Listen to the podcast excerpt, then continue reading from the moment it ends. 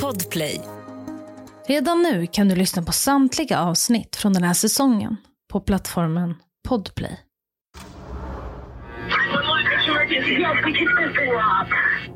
Okay, stay on the line. Okay. The man told police that the bomb had been strapped to his body and that he was forced to rob the bank. Det är den 28 augusti, år 2003. Klockan är 14.28. En man, iklädd en t-shirt av märket Guess, går in på PNC Bank. Han har en kort käpp i höger hand och en konstig utbuktning under kragen på t-shirten. Mannen går fram till en av kassorna. Han räcker över en lapp till kassörskan. På lappen står det Samla anställda med åtkomstkoder till valvet och arbeta snabbt för att fylla påsen med 250 000 dollar. Du har bara 15 minuter på dig.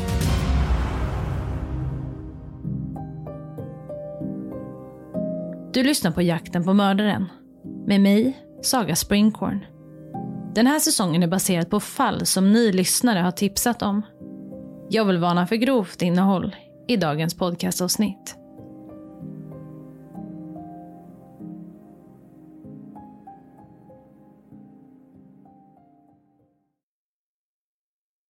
Det är alltså en man som gått in på PNC Bank i Pennsylvania.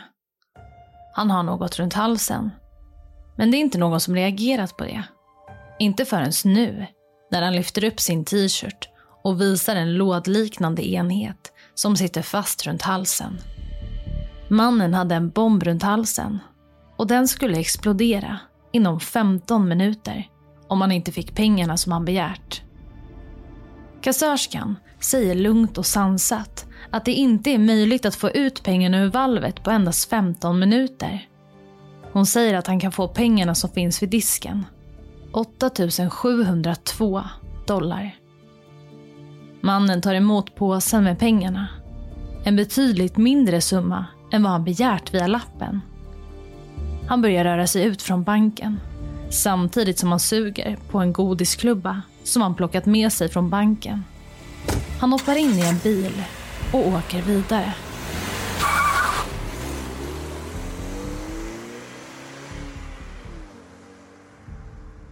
På banken kontaktar man nu polisen.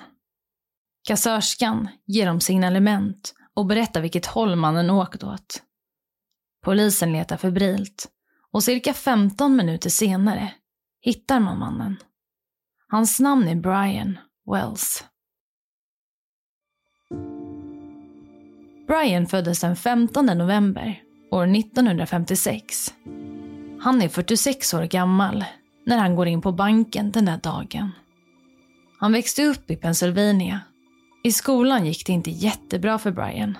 Han hoppade ganska snart av och började arbeta. I flera år hade han arbetat på Mamma Mias pizzeria. Han levererade pizzor till kunder och skötte sitt arbete med bravur.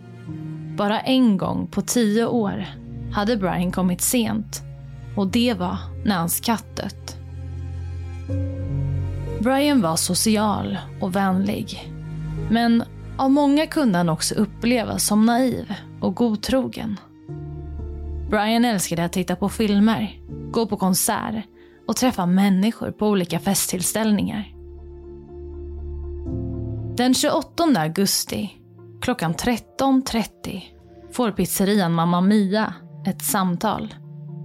Det är ägaren Tony som tar emot samtalet. Men han förstår inte riktigt vad personen på andra sidan luren säger. Så han räcker över telefonen till Brian. Brian skriver upp beställningen. Det är två korv och pepperonipajer som ska levereras till en plats vid utkanten av staden. En plats som endast nås via grusväg. Det var en plats för tv-sändningstorn i ett skogsområde. En öde plats.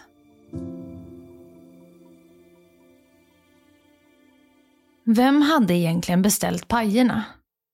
I efterhand har man kunnat konstatera att samtalet kom från en bensinstation i närheten. Brian åker iväg med pizzorna. Men han kommer aldrig tillbaka. Har något hänt med Brian? Polisen letar efter honom. För det är just Brian som gått in på PNC Bank och begärt pengar. Polisen hittar honom vid en parkering utanför Geo Metro. De omringar honom och Brian berättar att han har blivit angripen av en grupp svarta män. Männen ska i sin tur ha kedjat fast en bomb runt hans hals och tvingat honom att råna banken. Brian är frustrerad och desperat. Han säger att den snart kommer att explodera. Poliserna tror honom inte till en början. Men Brian övertygar dem om att han inte ljuger. Han talar sanning. Brian får sitta på trottoaren. Poliserna ställer sig långt ifrån honom för att skydda sig mot en eventuell explosion. Saken runt hans hals ser faktiskt gedigen ut. Han kanske inte ljuger trots allt. Man kontaktar nu bombgruppen. På plats finns nu också media. Journalister och kamerateam. De börjar filma. Mitt i allt börjar det pipa. Det är den där saken runt Brians hals. Brian ser obekväm ut. Han ser rädd ut. Det fortsätter att pipa. Och så rätt vad det är så detonerar bomben. Brian landar på rygg. Han tar några sista andetag och avlider sen. Klockan är 15.18 när bomben detonerar.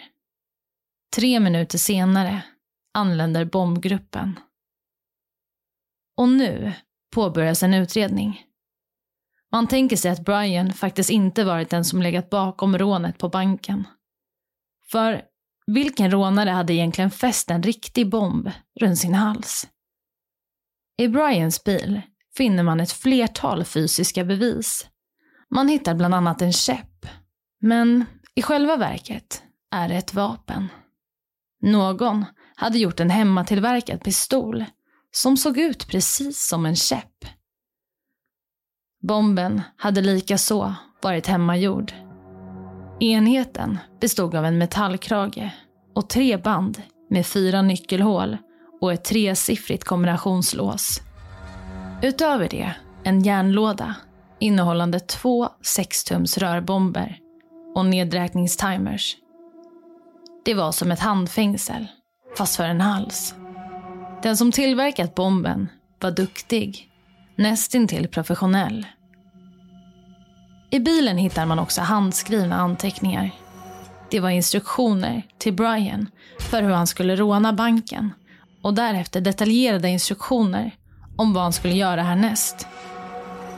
Anteckningarna innehöll ritningar, hot och detaljerade kartor.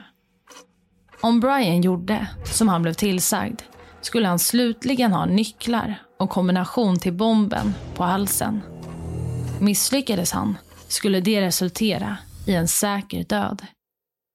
Det stod bland annat så här, citat. Det finns bara ett sätt du kan överleva och det är att samarbeta helt. Denna kraftfulla bomb kan endast tas bort genom att följa våra instruktioner.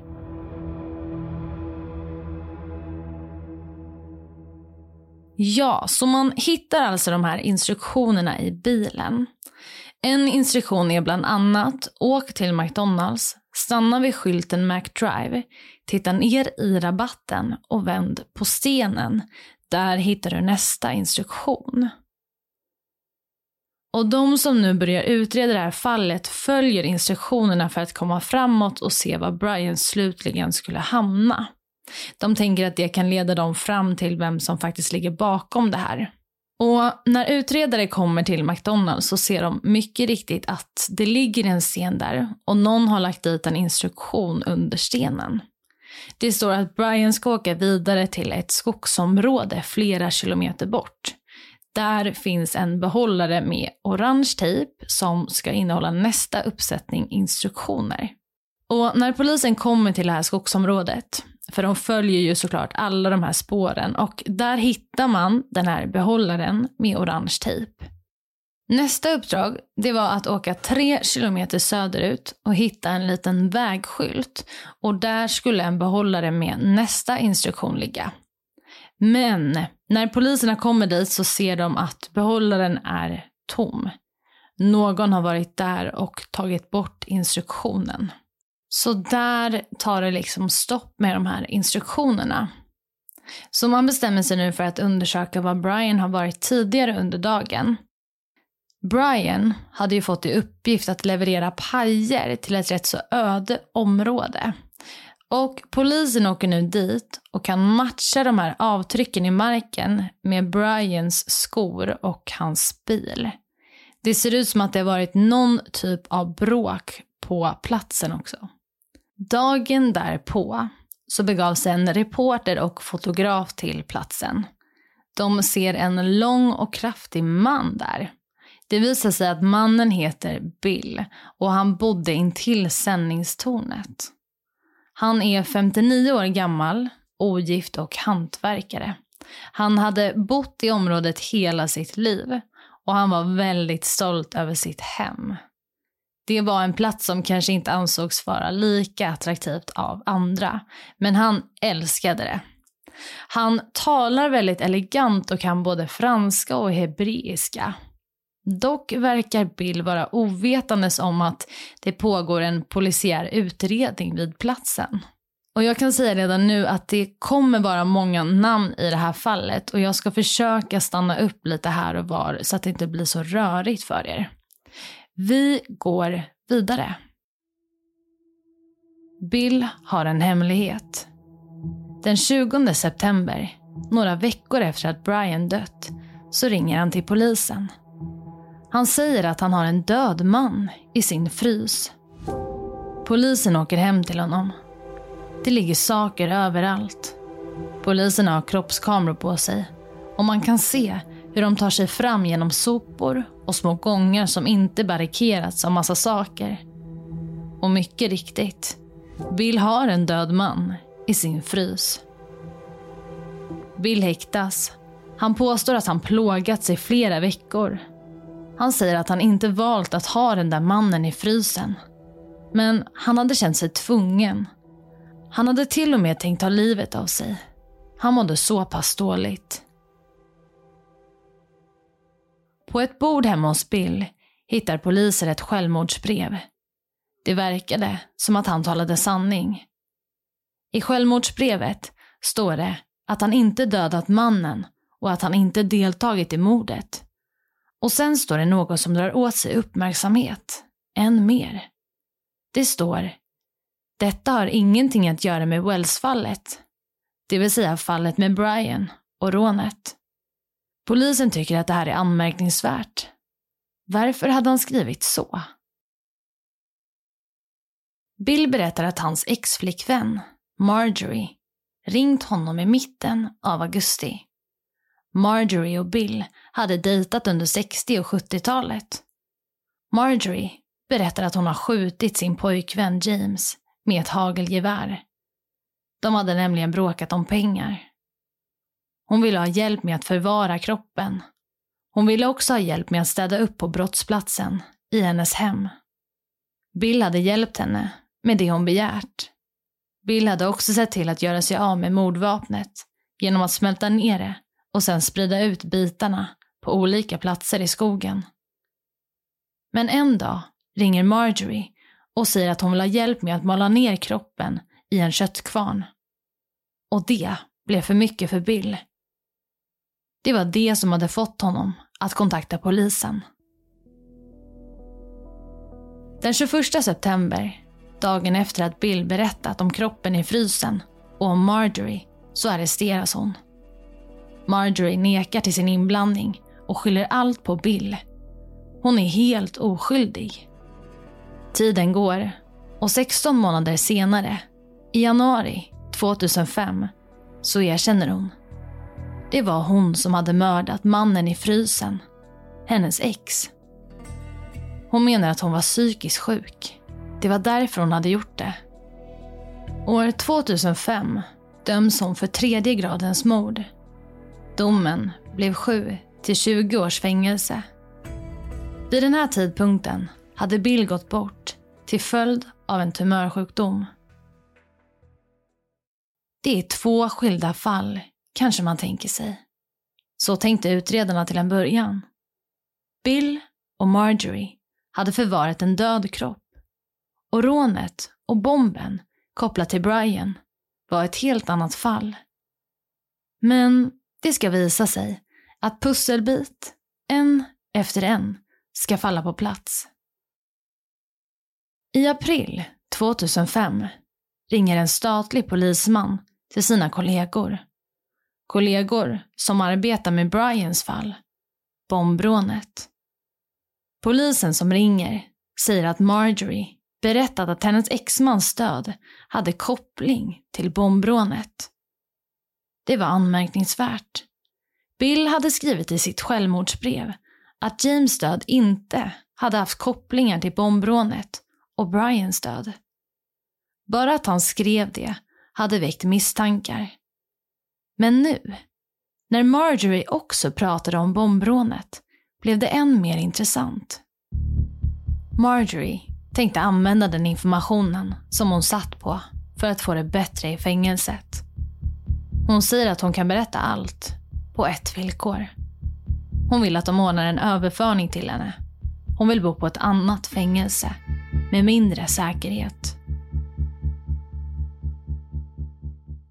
Och där stannar vi upp. Vi har då bombrånet där Brian mister sitt liv. Sen hittas en man i Bills frys och den mannen heter James. James är Marjories ex-pojkvän. Och Marjorie sitter nu inne för att ha dödat James, alltså ex-pojkvännen. Och hon ska utnyttja att hon har info för att få det bättre. I det här läget så vet man ju inte om Marjorie snackar goja eller om det faktiskt är så att hon har viktig och intressant information. Och det ska vi såklart ta reda på, men först, vem är då Marjorie? Jo, hon har beskrivits som en mycket intelligent kvinna. Och då menar jag verkligen superduper intelligent. På gymnasiet så var hon en av de bästa i klassen och hon hade enorma kunskaper inom olika typer av litteratur, historia och juridik. Hon har bland annat en kandidatexamen inom sociologi med sig i bagaget. Däremot hade hon svårt redan från tidig ålder att skapa nära relationer till andra människor. När hon är 23 år gammal så säger hon att det är något fel på hennes hjärna. Hon led av mycket ångest och har diagnostiserats med ett flertal psykiatriska sjukdomar, däribland bipolär sjukdom och allvarlig personlighetsstörning. Marjorie var gift en kort period med en man som dog när han slog i huvudet i ett bord. Och när den här mannen avlidit så ber Marjorie sjukvårdspersonalen om en skelettbit från hans ben. Hon vill nämligen kunna klona honom i framtiden. En annan av hennes pojkvänner tog livet av sig dagen efter att hon flyttade ut. Och år 1984 så arresterades hon för att ha mördat en annan pojkvän. Men hon frikändes. Så man kan säga att det sker lite skumma saker i Marjories liv. Och med det sagt så går vi vidare. Marjorie får som hon vill. Utredarna samtalar med henne. Hon hävdar att hon inte är inblandad men hon har levererat kökstimern som användes för att tillverka bomben runt Brians hals. Hon hade också befunnit sig inom en mil från banken under rånet. Hon berättar att Brian inte bara varit ett offer. Han hade också varit involverad i hela planen. Och den som är hjärnan bakom allt, det hade varit Bill. Bill som avlidit till följd av en tumörsjukdom. Mannen som hade förvarat hennes expojkvän i frysen. Utredarna köper inte riktigt hela historien. De förstår att Marjorie är inblandad. Hon sitter på väldigt mycket information. Kanske är det så att hon är hjärnan bakom verket. Marjorie var känd för att vara extremt manipulativ. Hon var svår att läsa av. Kvinnor som suttit inne med Marjorie hade berättat att hon pratat om rånet. Hon hade pratat om brottet i detalj. En av de intagna hade antecknat då Marjorie pratat om bombrånet. Hon ska ha sagt att hon dödade James, expojkvännen, för att han inte skulle avslöja något. Hon ska också ha sagt att hon hjälpte till med att mäta runt Brians hals för att få bombhalsbandet att sitta ordentligt. Och det tar inte slut där. Några månader efter att Marjorie gett information till polisen om bombrånet kliver ett vittne fram. Vittnet säger att Kenneth Barnes är inblandad. Kenneth var en knarklangare och en gammal fiskekompis till Marjorie. Kenneth hade pratat öppet om planen, om bombrånet. Kenneth satt då redan inne på grund av orelaterat narkotikabrott.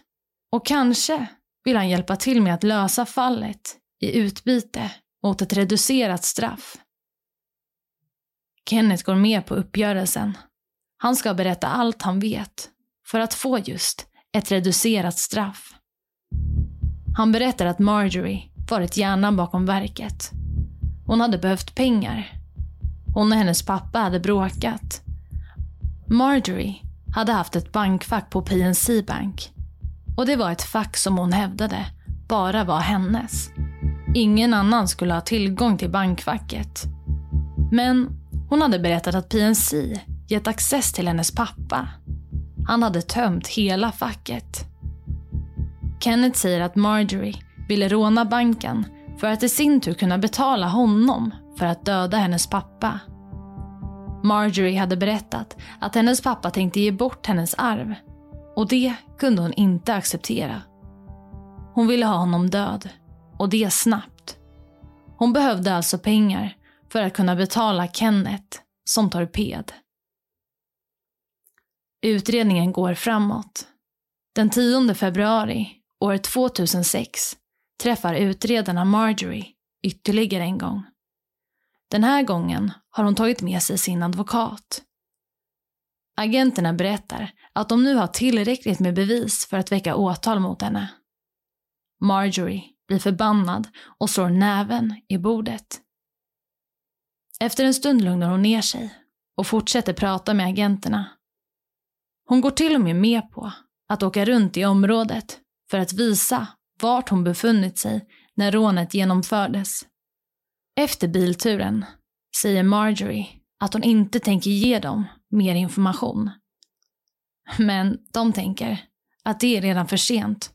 Hon hade berättat tillräckligt. I juli 2007 anklagas Marjorie och Kenneth för att ha utfört bombrånet.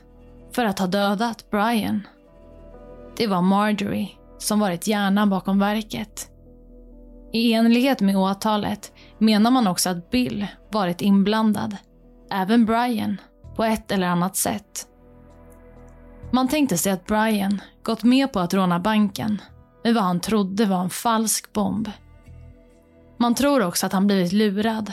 Att han tänkte sig att jakten som sen skulle pågå med ledtrådar och kartor endast varit ett knep för att lura polisen. Men både han och Bill tros ha varit medkonspiratörer. Det är många som ifrågasätter åtalet. Varför skulle Brian gått med på att bära något runt halsen? Vad skulle han ha fått ut av att råna banken? FBI har i efterhand kommit fram till att bomben var riggad så att Brians död var förutbestämt.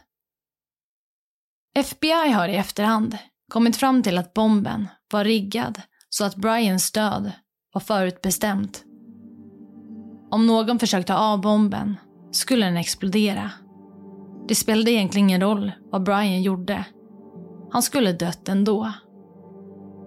I september 2008 erkänner sig Kenneth skyldig för konspirationen och vapenanklagelserna inblandade i bombrånet. Han dömdes till 45 år bakom galler. Men efter hans vittnesmål och efter att Marjorie fått sin fällande dom halverar en domare hans straff år 2011. Ja, Så Marjories rättegång skjuts upp om och om igen. Hon bedöms inte vara mentalt lämplig för att ställas inför rätta. När hon slutligen anses redo att möta en domare och jury diagnostiseras hon med körtelcancer och allt läggs på is igen. Rättegången skjuts upp men den ska snart ta fart. Kenneth är ju den som verkligen berättar en hel historia om vad som har hänt. Han säger att Marjorie har planerat allt och sen fått med sig konspiratörer som förväntade sig en stor summa pengar efter rånet. Brian hade haft en relation med en prostituerad och Kenneth och Brian var vänner. Brian köpte droger av Kenneth för att betala den prostituerade kvinnan i utbyte mot sex då.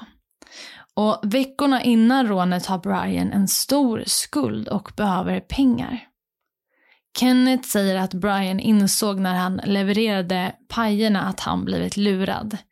Den där halsbomben hade sett verklig ut och Brian hade försökt fly men blev stoppad under pistolhot. Den 26 oktober så är det Marjories tur att prata inför rätten. Hon ser ovårdad ut. Hennes flotta svarta hår slickar sig längs med sidorna. Hon är ohövlig och skriker till och från mot den som tilltalar henne. Hon nämner knappt Brian. Det hon egentligen säger om honom är citat. Jag träffade aldrig Brian Wells. Och jag kände aldrig Brian Wells. Aldrig. Jag blev medveten om honom dagen då han dog. Jag såg det på nyheterna. Slutcitat. Juryn köper ju inte det här och efter en tre veckors lång rättegång föll domen. Den 28 februari 2011 döms hon för väpnat bankrån, konspiration för att begå väpnat bankrån och användning av en destruktiv anordning i ett våldsbrott. Hon dömdes till livstidsfängelse plus 30 år. År 2017 så avlider Marjorie till följd av bröstcancer. Och det var allt för dagens avsnitt. Vill du komma i kontakt med mig så kan du skriva till mig på Instagram där jag heter Saga Springkorn eller mejla till jaktenpamordaren springkorn.se. Tack för att du har lyssnat.